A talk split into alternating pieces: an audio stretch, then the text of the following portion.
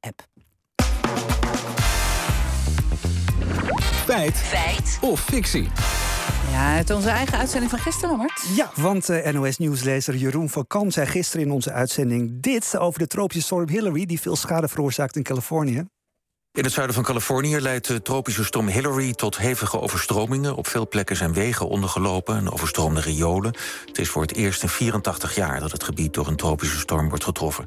Ja, hij was niet eh, de enige trouwens. Meer media schrijven dat, die 84 jaar, voor het eerst in 84 jaar. Maar omdat ik uh, Weerman Marco Verhoef, die op dat moment mm. naast hem zat een beetje bedenkelijk zag kijken. En ik ook dacht van jeetje, wat lang geleden.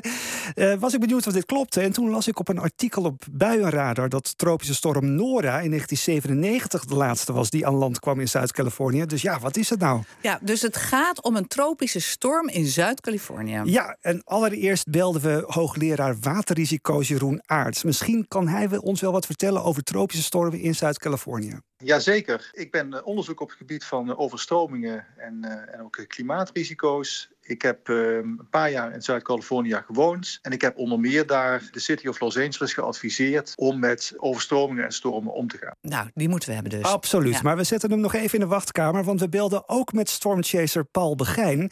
Stormchasers zijn mensen die actief op zoek gaan of jagen op allerlei extreme weerfenomenen.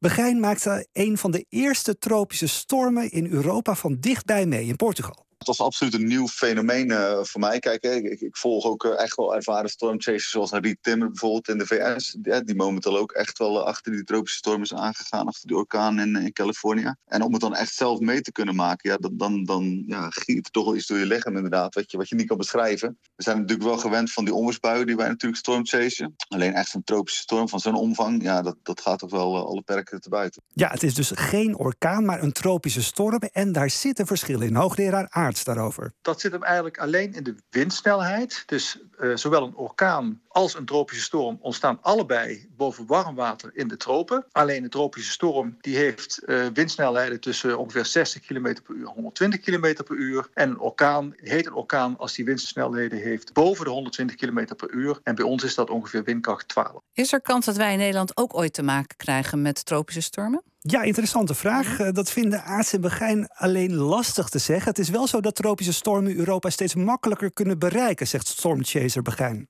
We zien ook dat de temperaturen van de Europese wateren ook steeds hoger beginnen te komen. Dat heeft natuurlijk te maken met, met de klimaatverandering, de stijging van de zeewatertemperatuur, waardoor die stormen ook steeds meer voeding krijgen, steeds meer energie krijgen om op te doen, om ook steeds iets noordelijker uit te kunnen komen. En als het dan gebeurt, zijn we dan voorbereid? Nou, Jeroen Aarts daarover. Er wordt nu wel onderzoek naar gedaan om te kijken of stormen vanuit de tropen zeg maar, ook Nederland kunnen bereiken. Een paar jaar geleden was er een orkaan die in de Atlantische Oceaan is begonnen in het zuiden, in de tropen, die uh, wel uitgedoofd en had ook geen orkaankracht meer, maar die heeft Ierland bereikt. En dat heeft Nederland wel een beetje wakker geschud om te kijken van, goh, zou in de toekomst het zo kunnen zijn dat ze ook hier kunnen komen? Op dit moment is het nog niet gebeurd. Oké, okay, gaan we weer terug naar Zuid-Californië, want daar begonnen we mee. Wanneer ja. was daar dan de laatste tropische storm? Ja, dat weet natuurlijk Jeroen Aarts.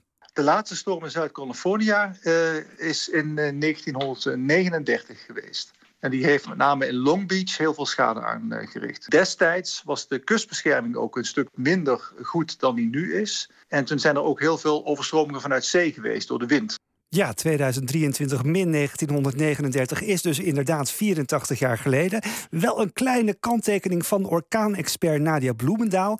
Het gebeurt namelijk wel veel vaker dat er overblijfselen van tropische stormen en orkanen in Zuid-Californië terechtkomen en daar ook schade toebrengen.